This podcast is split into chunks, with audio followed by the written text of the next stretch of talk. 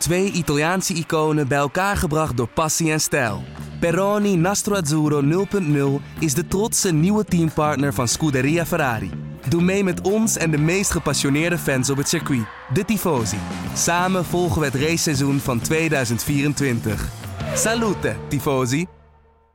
Nu er op Monza is gereden, laat de Formule 1 Europa achter zich. Max Verstappen reed een inhaalrace. Vettel spaarde strafpunten voor een gevaarlijke actie. Beide wagens van Mercedes wisten geen raad met Leclerc. En Leclerc zelf, nou, die is nu voor de tweede race op een rij als eerste over de finish gekomen. Dit is nu.nl's De Boordradio.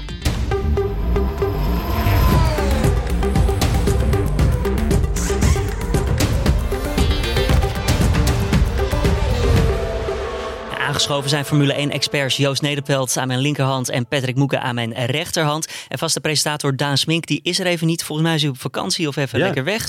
Dus, Waar is hij eh, heen eigenlijk? Ja, goede vraag. Dat Nou, weet niemand. Niet Nee. naar Italië. Dat, eh, Nee, anders had hij dat wel gezegd. ja. Ja. Nou, daarom ben ik, eh, Julian Dom, eventjes eh, aangewezen om aan te schuiven weer als presentator. Jongens, hartstikke goedemorgen, middag, avond, wanneer je dit ook luistert. En we hebben veel om te bespreken, want dit was weer een leuke race. Maar misschien nog, voordat we het over de race gaan hebben, een hele bizarre kwalificatie. Laten we even naar de zaterdag duiken eh, om mee te beginnen. Ehm, wat gebeurde daar nou eigenlijk? Joost, die laatste ronde, de laatste secondes, iedereen was aan het wachten. Ja, nou eigenlijk moeten we, want we hebben verderop in de planning staan eh, van wat er nou zo belangrijk is aan een toe op Monza. Eh, en, eh, dus dat is, daar speelt er eigenlijk een hele grote rol in. Dus dat zouden we eigenlijk eerder moeten bespreken, denk ik. Maar goed, oké, dat doen we dan zo, waarom het zo belangrijk is. Maar het is in ieder geval belangrijk voor de coureurs om achter elkaar te rijden op Monza, op die lange rechte stukken. Eh, dus het, het enige wat je niet wil is vooraan rijden. En eh, als je dan met z'n allen de pitstraat uitrijdt eh, en jij rijdt vooraan, dan denk je van... Dit is niet de bedoeling. Ik ga op de rem trappen. En, Ja, want het had, mee te, eh, had te maken met een rode vlag natuurlijk. Ja. De sessie was eventjes afgevlacht. Ja. En daarmee was er te kort tijd om eigenlijk twee rondjes te doen. Nou, Eh, die hadden ze, ja, in principe wel. Dat had, ik denk dat het, dat het wel had gekund, maar ze deden dat niet. En een aantal had ook natuurlijk al een tijd staan. Ja. Eh, maar het was, een, het was een kwalificatie vol met trucjes. En eh, dat, dat begon met, eh, met Mercedes, die ook naar buiten reed op een gegeven moment. En toen dacht Ferrari, ja, wij gaan er achteraan. En toen zag je de, de, gasten bij de, op, de, op de pitmuur bij Ferrari, zag je al tevreden kijken. Van kijk, ze zitten achter de Mercedes. Ze kunnen zo meteen in de slipstream van de Mercedes. En toen ging Mercedes ging een proefstart doen. Terwijl dat doet niemand ooit tijdens een kwalificatie. Maar Mercedes deed dat wel. En toen gingen de Ferraris er maar voorbij. En toen zaten de Mercedes weer achter de Ferraris. Dat was een beetje de sfeer al in de kwalificatie. Patrick, viel mond open toen jij dit voor, de, voor het liveblog zat te tikken en zat te kijken? Zag je dit al aankomen? Eh, ja, eigenlijk zag ik, iedereen zag het wel aankomen. Toen ze al naar buiten gingen, toen zei ik al tegen mijn collega's van... eh, nou, ze moeten wel doorrijden om op tijd over de streep te komen. En zelf zit ik ook af en toe wel eens eh, Formule 1 spelletjes te spelen. Dan zit je ook altijd te kloten met wanneer, wanneer je nou naar buiten moet rijden. En ja, ze- da- daar leek het een beetje op. Alsof ze gewoon de, volledig de boot gemist hadden. Ja. En het, het, het is ook gewoon amateuristisch, vind ik eigenlijk wel. Het was een drama, is, eh, toch? Ja, maar Het oké. slaat maar dat- echt een flater. Het is, eh, het is, sommige coureurs die hadden het gevoel van ik hoef niet per se. Ik denk dat Leclerc daar natuurlijk. en- Ja, die speelde het die, slim. die, eh, daar gaan we het zo nog verder over hebben, wat daar de gevolgen van waren. Maar die, eh, die eh, deed een beetje. Eh, eh, geniepig eigenlijk eh, ten opzichte van zijn teamgenoot. Ehm, eh, het, maar Hulkenberg die deed natuurlijk ook eh, iets wat eigenlijk niet kan. Want die ging de pits als eerste uit en die miste daarna de chicane. Die verremde ja, die verremde zich zonder enige pluimrook of wat dan ook. Eh, en toen dacht ik, hm, nu zit ik weer... eh, ja, dus het was een beetje... Het was gewoon, ik vond het heel erg leuk. Ik, eh, de- ja, er waren heel veel mensen die, eh, die vonden het alleen maar stom en weet ik wat allemaal. En dat Ja, maar als je daar in het publiek zit en je koopt een kaartje voor ik weet niet hoeveel dat is- 100 euro, dan Ja. is dit toch gewoon een wanstaltige vertoning. Ja, wel, maar het is toch ook eh, leuk om mee te maken. Ik bedoel, eh, je hebt ze allemaal eh, best wel vaak eh volgas voorbij zien komen. En nu gingen ze ineens dit doen met z'n allen. Ja, ik vond het wel... Ja, eh, het is ik- uniek Het was, toch, het was toch gewoon eh, entertainment, of niet? Dat dan, ja, en dat dan de Mercedes en Vettel en alles als laatste, te laat over de streep komen. Ik moest er best wel om lachen. Ik vond Ja. het, eh, wel vaker gezien dat dan één coureur het overkomt. Hè? Verstappen nog in, eh, in China was Ja, het dit volgens jaar, mij. Ja. Maar niet dat het zo massaal, eh, Nee. massaal gebeurt. En ik ben benieuwd of ze hiervan leren. Of dat we bij eh, een volgende race weer eh, hetzelfde eh, gaan zien. Ja, wat volgens mij de vraag was ook een beetje van waarom mogen ze elkaar gewoon inhalen? hè? Die werd gesteld volgens mij na afloop. Ehm, Ja, iedereen wilde steeds achter zitten. Dus het was gewoon. Ja, maar gewoon is het, is het anders verstandig om gewoon nu even dat eh, het eh, wel of geen toe, wat er nou belangrijk aan is, eh, door te nemen? Want ik denk dat dat voor de luisteraars wel relevante informatie is voor waar we het verder over gaan hebben in de. Oké, nou dan weet je, voor de verandering gaan we dan meteen eventjes. eh, dit is namelijk jouw technische moment. Ja, ja, Joost. ja. Eh, ik hou het kort, want het is eigenlijk heel simpel. So box, box, box, box. Ja, die vraag is ook gesteld trouwens door uh, Erik Akershoek. Want die zei van coureurs klagen er vaak over dat ze niet dicht achter elkaar kunnen rijden. Maar op zaterdag willen ze wel een tow. Dan rij je toch ook dicht achter elkaar. Waar zit dan het verschil? Het verschil zit in het circuit. En dat is heel simpel. Uh, Monza heeft hele lange rechte stukken. En uh, die auto's die, die, die, die, boren zich als het ware door de, door de lucht heen. rijwind noemen we dat eigenlijk. Maar het is natuurlijk geen wind, want de lucht staat stil en de auto rijdt er doorheen. Maar laat ik het simpel houden. je moet het zo zien. Ja, het is eigenlijk het slipstream. Iedereen weet denk ik wel wat dat is. Gewoon dat je anderen achter een andere auto rijdt. En dat je daardoor uh, harder gaat. Of in ieder geval dezelfde snelheid hebt met minder moeite. Je hebt minder luchtweerstand. En de Monza heeft hele lange rechte stukken. Uh, heel veel vol gasgedeeltes. En overal waar je vol gas gaat. Uh, is het beter om achter iemand te rijden. het verschil met bijvoorbeeld over twee weken Singapore. Dus daar zijn heel veel bochten. En in de bochten heb je juist zo stabiel mogelijke lucht nodig. Dus lucht die gewoon helemaal stilstaat. En waar je de, dan is je auto zo effectief mogelijk. Dus dan wil je een zo groot mogelijk gat tussen de ja, precies. Dus dan wil je juist geen tow, zoals dat heet. En dan wil je juist dat het gewoon uh, uh, dat, het, dat er niemand voor je rijdt. Uh, omdat er gewoon veel meer bochten zijn. Dat is eigenlijk heel simpel. In de bochten heb je stille lucht nodig. Dus zodat je downforce zo effectief mogelijk wordt opgewekt. Maar op lange rechte stukken heb je juist wel iemand voor je nodig. Zodat je een slipstream hebt. ja, dat, het, het, ik, hou zelf, ik gebruik zelf ook altijd het woord tow. Want dat, zo wordt het altijd gebruikt. Maar tow betekent eigenlijk trekken. Ja. Dus je wordt gewoon meegetrokken eigenlijk. Dat is wat, waar het om gaat. Maar hierover, hè? een Renault heeft niet de topsnelheid van een Mercedes of een Ferrari. Die, die, wil je dan toch niet vooruit, vooraan laten rijden? Want dan ga je er eigenlijk meteen voorbij. Nee, want Wat heb je daar een tow is al effectief. Uh, ja, volgens mij is een beetje de vuistregel dat als je de auto voor je kan zien, dan heeft het al effect. Dus, uh, dus hij hoeft echt niet heel vlak voor je te rijden. Oké. Dus uh, als er een seconde of meer tussen zit, dan, is het, dan kan het al effectief zijn. Dus ja, ehm, eigenlijk is de ideale combinatie, denk ik ook, dus dat je, dat je niet te dichtbij zit. Want dan ga je er in de bocht op een gegeven moment wel last van hebben.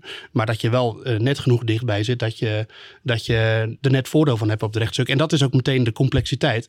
Uh, zeker als je dat onderling met teamgenoten gaat afspreken. Dat je ja, precies op de goede plekken. Je hebt ze ook gehoord over de, over de, over de boordradio. Van uh, hij moet nu sneller, hij moet langzamer. En dat, dat is gewoon uh, passen en beter om uh, ja, heel even een einde hier aan te breien. Want uh, het is interessant, maar Moeten nu regels worden aangepast uh, op basis van deze kwalificatie? Nee, nee, niet. nee, ik denk ook dat de teams er hier wel van leren. Dit, uh, dit zal ze één keer overkomen. En nu uh, zeker ook de, de coureurs die geen tijd hadden neergezet. Albon bijvoorbeeld. Ja. ja, Red Bull had gewoon zelf dan maar het initiatief moeten nemen. Ja. En gewoon weg, wegrijden. Dat, en hier, ja, ik, ik, neem aan dat ze hiervan leren.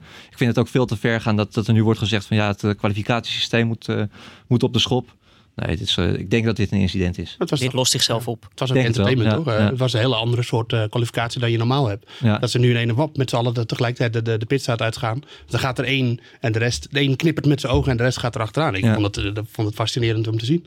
Dus ja, ik, uh, ik zou dat helemaal niet aan gaan passen. Nee. En nee. Wat, wat, misschien wel aardig is op te noemen, is dat hier al de heibel bij, bij Ferrari begon. Hè? Want Leclerc die had dus in het eerste gedeelte van die kwalificatie een toe ontvangen van Vettel. Uh, ze hadden vooraf besproken dat Vettel die toe dan later weer terug zou geven aan. Uh, of nee, dat Leclerc die toe later weer terug zou geven aan, uh, aan, aan, aan, Vet, aan Vettel. Alleen ja, dat, dat gebeurde niet. En dat Leclerc zelf zei van what a mess.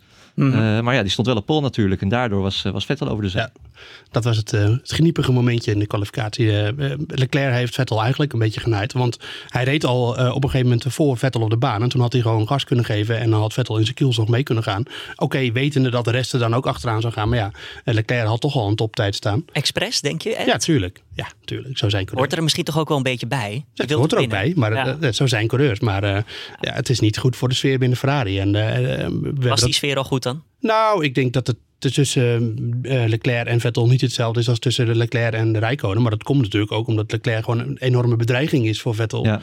Um, dus ja, wat dat betreft is de sfeer wel anders. Maar ik denk dat hij wel extra knauw heeft gekregen. Uh, en op zich stond Vettel uh, gisteravond of gistermiddag wel gewoon op de teamfoto na afloop. En hij feliciteerde Leclerc ook. Dus moet ook wel. Moet ook wel. Uh, anders ben je wel een hele slechte verliezer. Maar, want ja, Vettel had het natuurlijk zonder vooral aan zichzelf te danken. Maar, uh, ja, zo meer over Vettel. Laten we even ja, gaan naar de... Ik, nee, ik wil nog alleen even toe voor het bewijs dat dit echt gebeurd is. Uh, werd geleverd door Binotto. Die uh, na afloop, over de, toen Leclerc had gewonnen over de teamradio. Helaas hebben we dat fragment niet. Zei van ja, alles is vergeven wat je gisteren hebt gedaan. In het Italiaans In het Itali ja, volgens mij was het in het Italiaans. Ik heb dat zelf ook... ja, ik heb het al gehoord, maar dat was in het Italiaans. Ja, maar mijn Italiaans is niet zo We zoeken nog even. Als we het in de postproductie nog kunnen vinden, hoor je het. Er waren meerdere die zeiden dat hij dat zei. En dat, dat, past ook wel in het plaatje. Dus uh, ja. Maar Leclerc wist uiteindelijk wel die Ferrari over de finishlijn te trekken. En uh, ja, dat was nog even spannend, want zowel Hamilton als Bottas die hebben echt hun uiterste best gedaan om te proberen die Ferrari in te halen. Allebei niet gelukt. Uh, Hamilton had iets oudere banden en Bottas. Ja, Joost, volgens mij wist jij het zo mooi te verwoorden in een tweet. Dit is het verschil tussen een topcoureur en een bijna topcoureur. Ja, dat zit hem dan vooral in. Um, eigenlijk had uh, Bottas de winnende strategie, denk ik. Moet wel gezegd dat die Ferrari echt heel snel was op de rechtstukken. Dus het was echt niet uh, um, heel makkelijk om hem voorbij te komen. Nou, dat kun je al zien aan het feit dat Hamilton op in principe snellere banden rondelang. Uh, hij was er bijna voorbij, maar dit niet helemaal. Was het een tactiek dingetje, denk je ook, Patrick? ja, weet ik niet. Vind ik moeilijk. Dus ik denk wel dat de tactiek van Bottas de betere strategie was Zeker, achteraf. Ja. Uh, maar ja, dat is achteraf weer heel makkelijk zeggen. Ik uh, ben het wel met Joost eens dat dit was wel een kans voor Bottas om te laten zien uh, dat hij ja, wel uit de juiste racehout gesneden is. Hè? Dat, hij, dat hij het wel met de beste mee kan doen. Twee maar, lelijke fouten eigenlijk, hè? Ja, en zeker ja. ook bij het inremmen van, van die chicane. Er werd ook meteen geschakeld naar Toto Wolf. Die zag je ook zo grijnzen van ja, dit is toch wel ja. erg jammer. Aan de andere kant, uh, ja, we, Toto Wolf na afloop ook van uh, mijn racehart heeft wel gesmuld. Hè, fantastische race gezien. Dus die kon er wat dat betreft ook wel weer mee, uh, mee leven.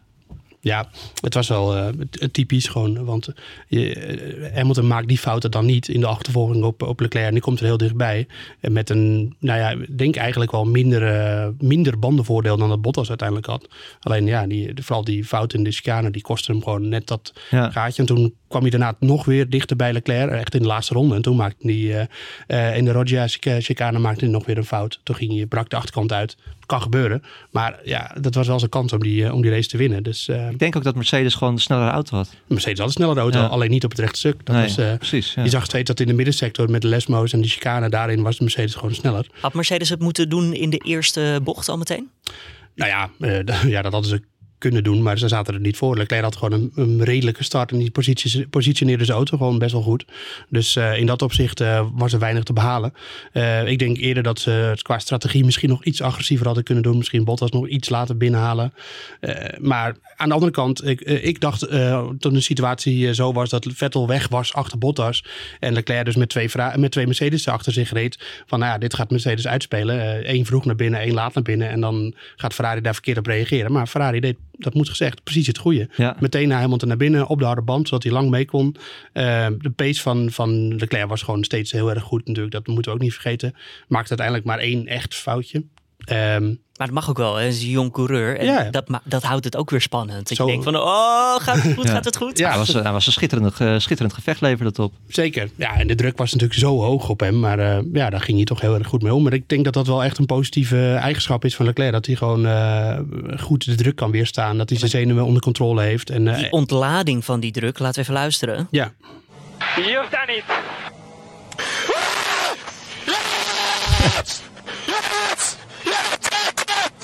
Ja. Alsof, alsof, je een blikje opentrekt nadat je een per ongeluk hebt laten vallen. Zo, oh, wat, wat gebeurt maar ja, maar hier zit ook nog wel wat extra's in. Hier zit ook wat in van vorige week. Ja. Want vorige week uh, won hij natuurlijk nadat, het, nadat zijn, uh, zijn vriend uh, Antoine Humbert was overleden. dat toen was, was het al, emotionele Ja, was het allemaal in, ingetogen natuurlijk ook. Ja. En nu had hij denk ik toch het gevoel van ik kan het nu laten gaan. En dat deed hij dan ook. En dan ook nog eens uh, ja, thuiscircuit, hè? tenminste voor Ferrari, uh, de Italianen. En hij spreekt dus vloeiend Italiaans, ja. dat wist ik niet. Ja, ik, was, ik was aan het begin van dit jaar met Joost, was er ook bij volgens mij bij dat persmoment van, uh, van Ferrari. Dat was het eerste persmoment van het, van het seizoen. Hè? Leclerc werd voorgesteld aan de pers als, als Ferrari-rijder in Barcelona. En ook, hij deed het in drie talen. Gewoon eerst, eerst keurig in het Engels voor ons. Nou, toen bleef hij nog even zitten voor de Italiaanse pers. Vloeiend Italiaans. Uh, in het Frans ook nog eventjes. Ja, het is, dan heb je wel een streepje voor als, uh, als Ferrari-coureur, denk ik. Het telt allemaal mee. Zeker weten. Ja, ja hij ligt gewoon heel goed binnen het team. En, en dat, uh, ik, ik heb ook een analyse geschreven van hoe het komt dat de medogeloosheid van Vettel weg is. En dat ja. kun je zien doordat hem dat overkomt wat in de kwalificatie gebeurde. En dat heeft Leclerc wel. En die, die haalt dan zo'n truc uit in de kwalificatie. Hij naait gewoon zijn teamgenoot, houdt zich niet aan de afspraken, maar wint de volgende dag. Ja, alles is vergeven. En mocht je dat nog niet gelezen hebben, we linken het ook eventjes ja, in de beschrijving van de podcast mooie wat Joost er goed in zegt is dat Vettel zou in die jaren bij Red Bull precies hetzelfde hebben gedaan. Ja, maar dat is ook zo gehaaid als ik weet niet wat. Alleen is die, die is dat helemaal kwijt. Die Vettel is, uh, hij is te lief geworden misschien. Hij, uh, ik weet, hij, hij is buiten de baan, oh, is hij Ook Symp- sympathieker dan Ja, ooit. ja. En eh, grappig en leuk. En dat was eh, hij vroeger juist weer niet. nee, dat iedereen een hekel aan. Schumacher hield dat, eh, Michael Schumacher hield dat geheide wel aan hè, tot zijn einde bij Ferrari. ja, nou, tot, in, eh. tot in den treur. Ja. ja, Nee, dat, eh, dat klopt. En dat, eh, Is dat dan goed of is dat slecht? Want je, ik hoor je tot in den treuren een subtiel hintje. Eh, Dat is net hoe je als coureur bent. Ik denk dat Hamilton heeft dat niet. En die heeft dat ook niet echt nodig. Alonso had het bijvoorbeeld wel heel erg. Ehm, eh, Schumacher had dat best wel. Vettel had dat in die jaren ook. Maar die heeft dat nu helemaal niet meer. Eh, dat is toch een beetje een, eh, ja, een eigenschap van een Ja. coureur. En het is niet de bepalende eigenschap. Maar het kan je wel in sommige situaties net even helpen. En het is denk ik ook een soort van methode om jezelf... eh, een soort van... On, Strak te houden. nou ja, ook om jezelf onaantastbaar te houden. Om te denken van, ik ben niet de man. En eh, ik bepaal hoe het gaat.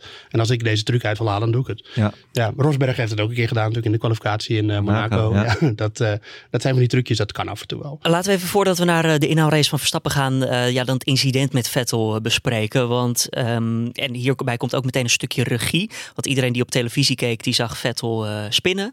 En vervolgens wilde hij de baan opkomen. En wat kregen we te zien? Nee, niet de bijna aanrijding met Lance Stroll, maar het publiek Ja. in Ferrari-kleding. Wat was er met die regie aan de hand, jongens? Ik, zat, eh, ik, was, ik was behoorlijk boos voor de televisie. Jij, eh, Patrick, jij doet dus het live-blog voor ons. Jij moet beschrijven wat er gebeurt ja, ja, wat doe jij dan op zo'n moment als de regie wegschakelt? schreeuwen. Hard schreeuwen naar de televisie. Oh, dat was die kapotte tv die er ook ging. Dus, eh, Oh, oh, oh. Ja, nee, je zag het al, eh, je zag het al aankomen. Hè? Ja. Eh, ik dacht eigenlijk dat het Perez was, maar het bleek de Stroll te zijn. Nou, dat is nog gevaarlijker. Ja. Als uh, Vettel zijnde. Dus, uh, maar ja, ze raakt elkaar. ziet, ziet Vettel dit niet? Of uh, is, is het gewoon Ja, een domme is, actie? Is... Hij ziet hem niet, denk ik. Maar dat is geen excuus. Nee. Je zit in de derde ronde, was het? Derde, vierde ronde. Je weet dat hij er komt. Dus je hebt niet ineens even een gat om rustig uh, de baan weer op te rijden. Dat is er niet. Alleen dus ja, was, hij, hij, heeft natuurlijk gedacht, ik moet zo snel mogelijk mijn fout, mijn fout herstellen. Ja. En uh, ja, geen rekening gehouden met, uh, met Stroll. Nou, echt levensgevaarlijk. En ook zeker na wat er uh, vorige week gebeurd is. Hè, die crash van ja. Hubert. Dat was natuurlijk wel op veel hogere snelheid. Maar die reed toen ook vol op... of die werd aangereden. Op een soort gelijk incident was dat.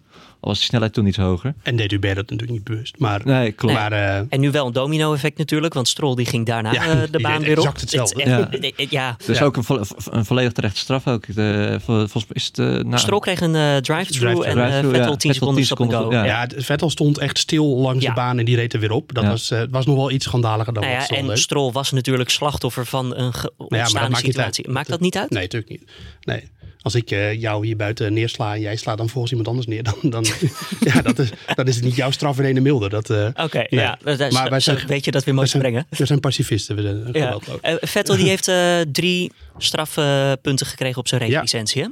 ja, nou ja, het kan best zijn dat hij daar nog een probleem mee krijgt nou, dit seizoen. Hoeveel mag je er hebben in totaal? Twaalf. En hij heeft er nu dus negen. Als dus hij het goed kan heb. bij, als hij dit nog een keer flikt, dan is hij gewoon geschorst. En drie strafpunten is het hoogste. Ja, dit is wel okay. de zwaarste, ja. zwaarste sanctie, maar uh, hij, over drie Grand Prix uh, vervalt het pas weer. Ah, okay, dus, dus hij, het zou echt, kunnen hij, zijn hij dat heeft echt de komende drie races moet hij echt op zijn tellen gaan passen. Ja, en dan Ferrari totaal niet blij natuurlijk als uh, Vettel één race niet mag rijden. Want nee, wie komt er dan in zo'n auto te zitten? Um, Kimi. Nou, die, ja, Alex niet. Kimi wel weer terug. Ja, denk nou, ik weet niet. Die heeft gewoon een los contract bij, uh, bij Sauber, hè? of bij Alfa Romeo. Ja, maar dus op, die staat helemaal niet meer onder contract. We moeten gaan turven hoe vaak jij Sauber zegt. Ja, weet je. Die lijntjes zijn toch wel kort, Joost. Ik denk dat... Uh... Dat Kimi dan terugkomt? Ik denk maar heeft Ferrari niet een testcoureur die uh, klaar staat? Ja, maar... uh, Antonio Fuoco. nee. Ja, maar die zijn er nog allemaal niet Nee, het, dan zou, wordt het of... of ja, ik denk dat, dat ze dan Giovinazzi doen. Maar dat is alleen maar omdat hij gewoon... Die, die is gewoon... Die staat onder contract bij Ferrari en, en Rijkonen niet meer. Oké, okay, stel Giovinazzi of Kimi Rijkonen komt dan. Maar wacht even, we gaan nu wel heel ja, erg ver in de hypothese. Eén vraag nog. Wie krijgt dan, als je eerste zou worden, die 25 punten of 26 punten? Van de coureur. De coureur zelf. Dus ja, ja. Dan, als hij weer terug gaat naar Alfa Romeo, dan uh, neemt hij ze daarmee. Ja, tuurlijk. Ja. Ah, ja. Maakt niet uit in welke. Maar Leuk de kans dat Vettel dit overkomt is best wel klein. Dus nou laten, we, laten we deze, seizoen, uh, laten we deze wat als uh, afsluiten. Is ook nog nooit gebeurd. Hè? Het uh, is wel een coureur, de laatste coureur die geschorst was, was Grosjean. Maar toen bestond dit puntensysteem nog niet. Dat was nee. gewoon toen na die crash in uh, Spa. Spa. Ja, het was ook wel, wel een beetje een opstapeling ja. van incidenten. Dan uh, ja, de inhoudrace van Verstappen, jongens. Uh, eerste bocht, weer een uh, klein incidentje nu. helaas de vleugel iets kapot en ja, moet de pit in. En begint daardoor ja, eigenlijk met een dubbele inhoudrace. Hoe heeft hij het gedaan als je moet omschrijven en moet kijken naar die situatie in de eerste bocht? ja, uiteindelijk nog het maximale eruit gehaald, denk ik. Eh, ik had vooraf een tweetje. Verstappen heeft dus dit seizoen nog in één keer een plek gewonnen bij de, bij de start. Daar ben ik eh, een tijdje mee bezig geweest om het uit te zoeken. Ja. Maar eh, hij heeft nog geen één positie gewonnen. En als je 19e start, nou ja, ik had getweet van nou, het kan haast niet anders of Verstappen gaat een paar plekken winnen. Ja. En natuurlijk, wat gebeurt er? Hij wint geen enkele, enkele plek. En dan krijg je meteen weer de schuld hè, van alle, alle zelfs twitteraars. Hier dat zou je het denken van, doe rustig aan. Ja. Je hebt het hele veld voor je, je kan zien wat er gebeurt. En, En dan het is, eh, toch... het is echt een linkerbocht. En eh, ja, misschien had... Is dit zijn fout of is dit... Ja, dit is wel... tuurlijk. hier moet je rekening mee houden. Als je ja. achterop iemand anders rijdt, dan is het in principe altijd jouw fout. En bij de Formule 2 en Formule 3 races gebeurde precies hetzelfde. Zo'n eh, een soort domino effect. Hè? Want Verstappen zei, ja, ze staan bijna stil voor die, eh, voor die eerste bocht. Ja.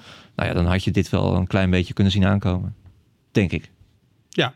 Nee, het, het is misschien eh, een coureur die niet echt meer gewend is om achteraan te starten. Dat heeft hij natuurlijk nooit echt veel gedaan. Maar dat zou kunnen. Dan zie je wel eens dat een coureur in zo'n situatie belandt. En dat zei hij zelf ook wel. Van ja, dat ik dan in het gezeik in de eerste paar bochten kom. Ja. Eh, een coureur ervaart dat als vervelend. eh, die, eh, en dan rijdt hij ook nog schade. Ja, het is, ik denk niet dat het, eh, dat het uiterst motiverend werkte. Ik moet zeggen, zijn pace daarna was gewoon prima. Ja, net zo snel als de top van het ja, dus eh, dat is ook op zich ook wel weer bemoedigend voor eh, de nieuwe Honda krachtbron.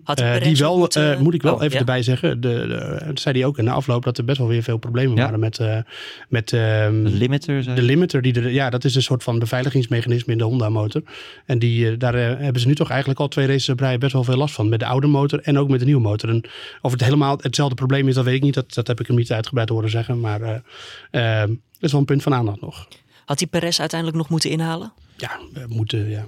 Als die, eh, die, ja, die moeten- Racing Point die gaat als een speer op het rechte stuk. Dus het is, hebben rondes genoeg gehad. ja, dat weet ik, maar het is niet zo makkelijk. En als je Nee. niet een eh, uiterst eh, groot bandenvoordeel hebt, eh, dan eh, is het op Monza tegenover een, nou ja, eigenlijk dezelfde situaties vooraan met, eh, met Hamilton en Leclerc. eh, dan is het gewoon heel moeilijk als die auto voor je gewoon een hogere topsnelheid heeft. Ja. Ik moet zeggen, die Ferrari, hoe die wegtrok uit de parabolica. Cool. Er zit een bak vermogen in die Ja. motor. Dat is echt niet te geloven. Dat was de nieuwe Ferrari motor. En eh, dat, die, er zit een hoop power in. Dat is een ding wat zeker is. Over vermogen gesproken. We kregen Ja. een mailtje binnen van eh, Mike. Die vraagt van, hadden jullie het gevoel dat eh, Max Verstappen op vol vermogen reed met zijn nieuwe motor? Of was dit nog denk je een eh Nou ja, ze hebben dus niet alles eruit kunnen halen Nee. wat, wat, wat erin zat mede door die eh, problemen. Ja. Waar die ook in de kwalificatie last van, hè? Ja. last van had. Want dat Ja. ging ook niet, niet vlekkeloos. Ik eh, begreep wel dat, die niet, dat er nog wel wat standen over zijn. Ja. Dus, eh, maar het, ook het verhaal ging eh, nu weer dat Verstappen weer oproept bij Honda om meer risico te nemen. Ja. Eh, en, en ik weet niet of dat een gevolg van is van dat probleem dan. Wat dan ook eigenlijk een soort van risico-inperkend, heel Japans, systeem is in de motor. Ehm, ja, ik denk dat dat nog wel echt een thema gaat worden de komende weken. Van de- races winnen wordt nu heel belangrijk. Kampioen worden kan niet meer. En dan moet je toch in sommige races even een paar keer eh, die knop opendraaien. En eh, ja, dan zien we wel waar het schip strandt. Uiteindelijk, eh Fiat die had uiteindelijk ook een motorprobleem gisteren. Ja. De- Die viel ook uit. Had ik in mijn GP-spelteam uiteraard. Dus dan Mm. dat is dat vervelend voor coureurs. Als ik ze in mijn team heb, dan gaan ze uitvallen. Een soort wetmatigheid. maar ehm, ja, dat is nog wel even een punt van aandacht. Ik denk dat Honda een leuke stap heeft gezet. En dat zij Verstappen natuurlijk zelf ook van... grootste stap tot nu toe bij Honda. Ja. Dus ehm, vorige week schreef ik nog van ja, ze zijn er nog niet. En, en dat, ja, dat, daarom had ik het graag gezien met de nieuwe motor gewoon vooraan. Ja. Ik moet ook Of- wel zeggen, bij ja. Perez, eh, ik zat dan eh, met de F1 TV mee te kijken bij Perez en Verstappen in dat, eh, in dat gevecht. En Perez die reed ook echt wel alsof het om de, om de leiding van de wedstrijd eh, Ja? ging. Die werd ook aangemoedigd, kwam een Red Bull behind you. Hè? Zo, Ja. Dat is ook logisch natuurlijk. want Waarom zou je het niet doen? Nee, ja, te- te- en terecht ook volle- volledig terecht. Ja. En ik had juist het idee dat Verstappen, die zat alleen maar te klagen over die motor die dan niet eh, goed werkt. En eh, motorstanden die niet, die niet open gingen. Ben je ook niet bezig met de race, denk ik. Dan je- Nee, en dan zit en, er en, meer in je hoofd. En hij weet het podium was onhaalbaar. En ik denk ook dat Verstappen wel heeft gedacht of ik nou achtste of zevende word. Ja, prima. Ja. Nou, ja, Het scheelt maar weinig hè, voordat eh, Leclerc hem inhaalt in het klassement. Ja, maar Drie ik denk dat hem dat volgens niet mij, maar- Daar is hij echt ja. niet mee bezig. Nee, daar geloof ik echt wel in. Het was voorheen ook wel eens onder coureurs eh, zo dat de derde, de derde plek eh, in het WK, dat dat de slechtste plek is. Want dan ga je, moet je wel naar de VIA-ceremonie aan het eind van het jaar, maar je wint eigenlijk niks. Nee. Dus het enige wat je dan kan doen is als eh Kimi Räikkönen vorig jaar gewoon dronken worden en, eh, en er een feestje van maken. Maar ik denk dat veel coureurs liever gewoon dat overslaan. Dus je kan dat Verstappen derde of vierde wordt in het WK, dat maakt hem echt niet uit. Dan de best of the rest, jongens. Eh, bij de Renaults Ik Ja. zag geen witte rook en daarmee bedoel ik eh, in de positieve zin van het woord. Oftewel, ze haalden de finish. Ja. En ook niet op de meest lelijke plekken ook nog eens. eh, Nee, het beste Renault-resultaat eh, sinds 2008. had ja, vierde plek voor Ricardo en eh, vijfde voor Hulkenberg. Ja, Ja. Nou, fantastisch. Of fantastisch, gewoon eh, overdreven misschien. Maar Geluk of... eh, nee, wat, ik denk het niet. Hier, hier halen we hem even bij. Daan Smink die doet het altijd, dus we houden deze traditie in ere. Nick Augustijn, eh, was het succes van Renault een toevalstreffer... aangezien de auto doorgaans alleen snel is in een lijn... en daardoor per definitie goed is op banen als Monza? Of is het spreekwoordelijke lek boven? Nee. nee, het lek is niet boven. Nee. De, de reden waarom eh, Renault goed was op Monza is exact dezelfde reden als waarom Ferrari goed is op Monza. De rechte lijnen. Veel vermogen, weinig downforce. Ja. Die auto genereert gewoon te weinig downforce. En dat heeft Ferrari heeft er ook last van. Dat gaan we er Pieter. Boel die eh, hoeft nog niet... eh, Nou ja, het goede nieuws voor Renault is dat ze dus nu echt best wel een goede motor hebben. Die het doet, die het hele, de hele race op, op topvermogen kan blijven draaien. Maar ja, laten we niet de slingers buiten hangen. De, de het ligt dus nu nog aan het chassis. Nee, het ligt aan de aerodynamica. Aerodynamica. Ja, alleen eh, ze, komen nog steeds, eh, ze waren nog steeds 45 seconden achter eh, de top. Dus het is niet zo dat de slingers al uit kunnen daar. Maar, maar ja, de motor is goed nu bij Renault. Goed genoeg. Laten we dat, eh, dat even benadrukken. Niet eh, uitstekend, maar Nou, dat goed die goed genoeg. werkt zie je ook bij McLaren. Hè? Die Ja. gewoon wel eh, eh, lekker gaan. Ja, nou, die had alleen minder, maar, eh, nee, ja, de Sainz was wel echt zonde. Die had ook gewoon een top eh, 6, 7 plek kunnen hebben. Alleen, eh, Ja, hier je- zie je het aan dat het echt teamsport is. Hè? En die, die monteurs ook. Ja, ik kan me de pijn wel voorstellen als dan iemand wegrijdt en je hebt door, oh nee, het zit niet goed. Nee, Nee. Die paar secondes, dat, Ja. ik kan door de grond heen zakken, denk ik. Je zag het toen bij die Netflix-documentaire, Drive to Survive. Dat die man, die monteur van Haas, die had ook de Ja. wielmoor niet goed aangedraaid. Twee keer. Twee keer. Ja, tranen met tuiten gehuild. Ja. ja, en terecht, gewoon, want eh, er staat zoveel druk op die jongens. Ja, het is ook... eh, die heeft slecht geslapen vannacht, die monteur. Heeft een van jullie ooit zo'n wheelgun eh, gebruikt? Ja. Moeilijk? Eh, ja, ze zijn best wel zwaar. Eh, ik ben een grote kerel, maar eh, zo'n band erop, het lijkt heel makkelijk vanaf Ja. eh, op, op tv, maar het is allemaal best wel zwaar. het gaat om timing, hè? Want op het moment ja. dat die band weggehaald wordt, moet jij al naar binnen om de band die geplaatst wordt. Je kan niet wachten tot die band er zit en dan pas er naartoe met die wheelgun. Eh, nee, het moet een vloeiende beweging zijn. Ja. Ja, en daarom, het is ook best wel, eh, het risico is best aanwezig dat er wat fout gaat. Ik moet zeggen, daar staan best wel straffen op. Dus als je echt eh, half moedwillig of uit, uit onzorgvuldigheid een auto de baan opstuurt met een loszittend wiel, dan kan je daar een straf voor krijgen. Ik denk dat McLaren die nu niet krijgt, omdat Sainz al snel door had van nee, dat is niet goed. En hij Ja. parkeerde hem natuurlijk meteen aan de zijkant. Maar ik, ik heb wel eens gezien races dat een wiel niet goed vast had en dat hij vervolgens zo de, de, de, de, de hekken van de baan overging. Dus Ja. Dat, ja, dat is ook niet helemaal de bedoeling. Nou, we hebben heel veel besproken. Ik wil van jullie in het kort horen, wie was jullie driver of the day? Patrick. Eh, nou, ik denk Ricciardo. Toch? Ja. Eh, Leclerc was snel, maar die heeft toch een foutje gemaakt. Ricciardo was gewoon foutloos. En eh, ja, dat hebben we vorig jaar bij Red Bull ook, ook gezien. Je weet gewoon, als Ricciardo een, een beetje een goede auto heeft, dan haalt hij vaak het maximale eruit. Hij is misschien niet eh, de aller, aller, allersnelste coureur, hè, de, niet, niet de, een Hamilton of Verstappen, Ja. maar hij is wel ontzettend consistent. En daarom eh, is dit ook weer gewoon een, een bewijs eh, ja, dat, dat Renault met hem wel een uitstekend coureur binnen heeft gehaald. Geef hem een goede auto en hij haalt de punten binnen. En een, eh, een vierde plaats. Ik denk dat we hem dat allemaal wel gunnen. Joost? Ja, mijn eh coureur van de dag is eh Leclerc. Want eh, zo met de druk van eh, alle Ferrari-fans langs de baan en van het hele merk en eh, het bedrijf en alles erop. als debutant dit jaar de race zo naar huis rijden met een vijfvoudig wereldkampioen in, in je nek en zijn teamgenoten nog eens achteraan. Oké, hij maakte een foutje, maar herstelde dat ook alweer goed. Dus Leclerc was voor mij onbetwist de coureur van de dag. Wel eervolle volle vermelding wil ik nog wel even geven aan mijn grote held Antonio Giovinazzi. Eindelijk juist. Ja, die voor de tweede keer in de punt, voor de tweede keer al in de punten reed dit seizoen. Gaat best wel eh, verhalen. Al dat, voor de tweede keer. ja, ja, ja. ja. Ik kijk eventjes naar hoeveel heb het jou punten niet die te in doen, Patrick. totaal heeft. Ehm, even zoeken. Giovinazzi oh, staat niet in mijn top 10 die ik heb uitgeprint. Dus, Oké. eh, ja. Nou, dat maakt niet uit. Hij is debutant, dus eh, geef die jongen een beetje de tijd. Ja, Charles Maar- Leclerc werd ook trouwens door de stemmers van eh, de hashtag eh, of eh, @boordradio eh, op Twitter eh, verkozen met 62% van de ja, mensen die dat daar. lijkt me evident. Ja, Ja. Ik, ik ben het eens met, met, eh, met eh, Patrick hoor, dat uh, Ricciardo Ja, een hele goede race reed. Maar Leclerc was gewoon de beste. altijd saai ook als Joost en ik de twee zelf te zeggen. Ja, Dat is ook weer we waar. hebben dit vooraf afgesproken. Dan gaan we naar de, de fanzone, jongens. Oftewel de vragen die zijn binnengekomen. Nou, veel vragen hebben we al behandeld. Maar eh, we hebben nog wat andere dingen die op het lijstje staan. Zoals bijvoorbeeld eh, Christian Burgraaf. Die vraagt of we de wissel van Albon voor Gasly... Gasly. Gasly. Goed, ga door, Julien. Ja, ga gewoon door. Dat wordt gewoon bij de show. Ja, prima. Ik snel. Oh, Gasly. Ehm, of de, of die, die vindt van, vinden we de wissel van Albon voor Gasly eh, de juiste? Of daar iets zinnigs over is te zeggen op dit moment? Nou, Ja. ja, In het kort. het, eh, hij, het- hij heeft twee keer gewoon het, eh, het prima gedaan eigenlijk. Eh, nu weer Hij heeft zesde. hij prima gedaan of heeft hij gedaan wat eigenlijk Albon anders ook had gedaan? Wat Gasly. Gasly ook had gedaan. Ja, eh, Ik ben nu de hele namen kwijt, jongens. wat ja, Gasly kijk, we anders hebben- ook had gedaan, ja. Eh, kijk, Gasly heeft aangetoond dat die, die heeft zoveel kansen gehad om gewoon in de top 6 of top 5 te rijden, ja. maar deed dat niet. En Albon is nu zijn tweede race. De eerste race was ook al prima op Spa. Eh, nu zou je nog kunnen zeggen van ja, had hij misschien de Renaults kunnen pakken? Ja, Had gekund. Misschien, wel. misschien wel nog. Verwachten we nog een maar boos dat- tweetje van eh Kvyat? Oh ja, die had uitgehaald hè? Ja. die, eh, Ja, ja, van, eh, zo bijzonder is het allemaal niet. Hij had gewoon gelijk. Ja. Eh, was- Er was geen woord aan gelogen. Nee. Ja. Nee, en Fiat deed het nu eigenlijk ook hartstikke goed weer, totdat Ja. hij uitviel. Ehm, ik ben eh, gematigd positief over Albon. In de zin van dat ik zijn inhaalacties eh, overtuigend vind. En dat eh, is bij Gasly echt het, het zwakke punt. Ja. Eh, en inhalen blijft nog altijd een heel belangrijk onderdeel van de Formule 1. Eh, qua echte rauwe pace weet ik nog niet. Maar, Maar we kunnen het ook nog steeds niet goed zeggen, Nee. hè? omdat je wil hem toch vergelijken met Verstappen. Ja. Ja. En je wil hem op een goed circuit zien waar ja. de Red Bull eh excelleert. Zeker. En eh, daarom zou het leuk zijn als, als we we twee Red Bulls zien kwalificeren volgende, volgende week. Nou, dan kan je, heb je in ieder geval een graadmeter. Hè? Zit, hier, zit hier ook een seconde achter? Of eh, Ja. een halve seconde? Of is hij een paar tienden langzamer? Ik denk zeker niet dat hij sneller is, maar ja, wie weet. Haalt Ja. hij sowieso de vlag?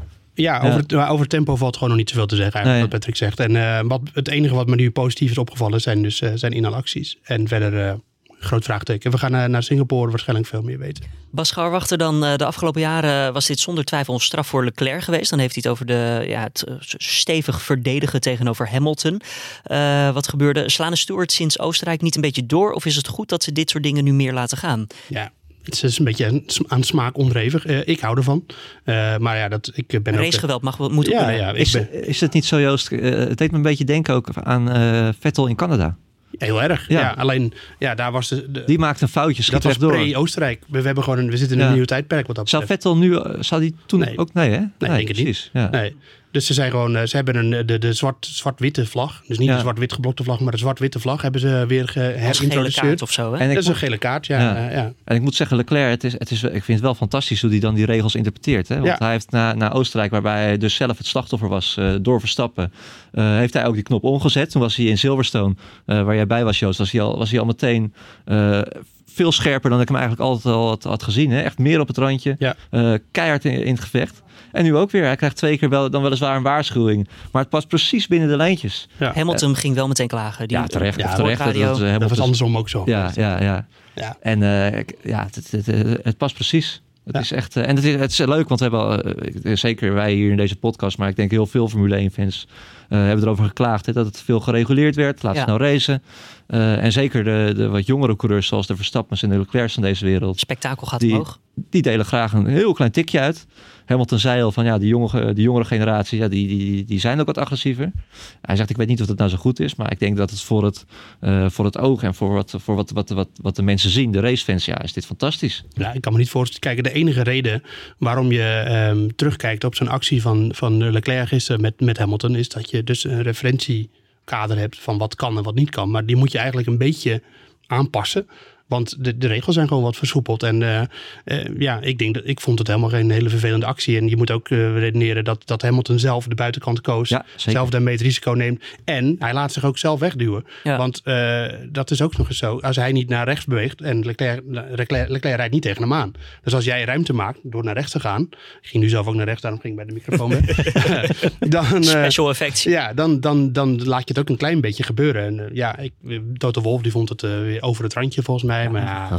Gezeik. Het is Ja, echt, eh, Kijk, en dan, ja, tuurlijk, het gebeurt in Italië en dan wordt er gelijk van gemaakt. Ja, dat is omdat het in Italië is, maar dat weet je helemaal niet. Eh, we hebben de afgelopen races ook al gezien dat het, dat het allemaal wat soepeler is. Dus, Maar ik- eh, dat, en dat vind ik ook wel weer typisch Formule 1. Hè. Er wordt dan altijd weer. Ge, toen, toen, toen Vettel die straf kreeg. Iedereen vond we moet, moeten minder straffen en we moeten ze meer laten racen. En nu gebeurt het en dan is het weer niet goed. nee, het is nooit goed. Je moet altijd Nee, dat het is echt Het is net het weer. Ja. Ik ben eh, een groot fan van de herintroducering van de Ik ook. zwart- Het maakt zwart-witte het, vlag. het maakt, eh, oh ja, die zwart-witte vlag. Ja, Ja, ja, ja, geef ja. gewoon een gele kaart. Is, dus, Ja. eh, ja. Ja. Stel je nou bij, voor dat bij voetbal dat alles meteen rood is. Nou, dan eh, krijg je ook hele saaie wedstrijden. Nou ja. Maar dat hoeft niet per se trouwens, maar, maar je snapt wat ik bedoel. Volgende vraag, jongens. Piet Jaspers die heeft problemen met eh, ja, de coureurs uit elkaar te halen. Hij zegt hij verbaast, me, hij verbaast zich ook steeds over foutieve communicatie, zowel tijdens trainingen als in de race met betrekking tot de coureurs. Creatieve helmen helpen volgens hem niet. Waarom plaatsen ze niet nog duidelijker nummers van de auto's op die auto's? Waarom is dat niet zo goed zichtbaar? Hebben jullie er problemen mee? Nee, maar dat komt. het, ik snap het wel. En het, het zit hem in die. eh, je moet even leren bij een team wie er met de gele camera rondrijdt en wie er met de zwarte camera rondrijdt. Ah, vind ik ook altijd moeilijk. Is dat het punt? Ja? Dat is het. Ze hebben allemaal of een gele of een zwarte camera. Ehm, Ik kan toch en- beter naar de helm kijken. ja, en de combinatie van de helm. Maar dat is wel. Dat, dat, Kijk daarom jij naar de camera, Joost? Ja, Ja? altijd. en ja. weet, je van tevoren, rijdt camera. iedereen altijd met dezelfde Ja, gele? Albon rijdt met de gele camera, Max rijdt met de zwarte camera. En bij Mercedes? En bij Mercedes rijdt eh, Bottas met de gele camera. En bij Ferrari? Dit mag je niet fout zeggen, Joost. Anders Ja. krijgen we al die... Ehm, al die- al volgens mij rijdt bij Ferrari Leclerc met de gele camera. Terwijl de gele camera zou idee. een tweede eh, coureur betekenen? Of, Eh, eh, is een heel klein beetje stiekem zo, maar ik denk dat bij Ferrari dat inmiddels een beetje Ja. omgedraaid is. Ja, nee, eh, ik weet niet 100% zeker, maar volgens mij rijdt Leclerc met de gele camera. Ja. Nou, Piet, dan weet je waar je naar moet kijken als je de televisie weer aanzet. Kijk, ehm, het voordeel is denk ik nu dat eh, Verstappen en Albon, die hebben echt een afwijkende helm. Eh, want Verstappen, die van Verstappen is wit en die van Albon is blauw-geel, als ik uit mijn hoofd zeg. Ehm, bij Ferrari is het ook zo dat, eh, ja, Leclerc rijdt met de gele camera. Oké. Die steekt hij even lekker in zijn zak. Ehm, en Bottas en Hamilton die hebben ook best wel afwijkende. Ja, ik, ik heb er nooit zo moeite mee. Maar eh, ja. Dus gewoon even goed. Google het van tevoren eventjes, dan weet je waar Ja, je moet ik, letten. eh, ja, helmen ja. en Het, het, bij eh, Force Racing Point was het vorig jaar helemaal erg. Toen reden ze allebei Ja. met de roze helm. En volgens mij is dat nog steeds een beetje zo. Ik weet wel bij Haas altijd, die ene die in de grindbak, dat is Grosjean. En... Dan het GP-spel. Ehm, ja, voor mij was het een eh, bijzonder jammerlijk weekend. ik had ook niet gewisseld eh, of wat dan ook. Eh, als ik even naar jullie kijk. Ja, Patrick, 82 puntjes. Helemaal niet verkeerd, toch? Ja, Ja, nee, je zet hoger in, hè. dat is zeker waar. Sainz ging, ging eruit en Fiat had ik ook. En ik had nog wel Leclerc en Hamilton. Hebben de punten binnengehaald. Ja, die had ik ook. Ja. En, en Giovinazzi had ik natuurlijk. Echt? Ja, dat je. Giovinazzi Ja, maar vast die Giovinazzi. Joost zit vlak achter jou. Nee, die had ik nu voor met het eerst 77 eh, punten. had ik die weer eh Ja. in stijden. En ik was altijd, de, of altijd, in onze vriendenleague de best genoteerd op de sportredactie. Dat wilde ik graag zo, eh, zo houden. Maar ik ben in- ingehaald door... Door eh, bijna iedereen daar. Ja, nou, Nou, nee, Jasper van Vliet en eh, Jeroen Bijma, Ja, die het eh, is, zijn eh, beide voor het is boven gewoon, En die wil je echt graag achter kan En ik zeggen. 95% geluk sporter, is het. ja. Dus, eh, Ja, laten dat, we zegt, dat zegt hij weer omdat hij verliest. Ja, tot hij een keer wint, want dan was het van tevoren allemaal wel goed te zeggen. Mhm. Eh, Daan 48 puntjes deze week en eh ik zelf 51. Ehm, Patrick, we moeten ook even kijken of we misschien ooit eens een leuke league kunnen starten voor luisteraars van de Ja, Boordradio. Ja, Ja, het is misschien een beetje gek om dat nu tussen het seizoen door te doen. maar- precies. Maar we we willen dit een dingetje maken. Dus ehm, we gaan dit voor sowieso misschien het volgende seizoen eh, even regelen. Dat sowieso, ja. ja. we met de luisteraars eh, kunnen battelen en eh, dat we daar ook een leuke prijs aan kunnen koppelen. Ehm, dan zijn we bij het einde. Willen jullie nog iets eh, op tafel leggen? Zijn we iets vergeten? Nou, ik vind wel dat we... kijk, we, Joost en ik zijn altijd eh, echt liefhebbers. altijd wel positief gebleven. Maar ja. we hebben natuurlijk veel saaie races gezien hè, in het begin van het seizoen. Er gebeurt ook niet zoveel. Maar dit seizoen, ondanks dat, eh, dat we geen titelstrijd hebben... ontpopt zich toch wel echt tot een eh, heel leuk Formule 1 jaar. Ja, We zeker zien alle gevechten. En misschien komt het ook juist wel doordat we geen titelgevecht hebben. Want dan, dan, dan, dan hebben Leclerc en Hamilton, die kunnen ook hard tegen elkaar racen. Zonder dat ze eh, rekening hoeven te houden met het kampioenschap.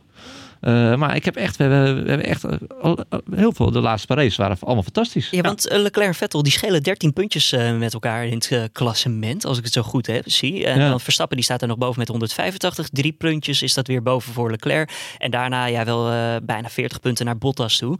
Maar het, het zou misschien leuk zijn als Bottas een keertje uitvalt. Om het nog even spannend te maken, of niet? Ik, ik zal hem bellen dat je, dat je dat wil.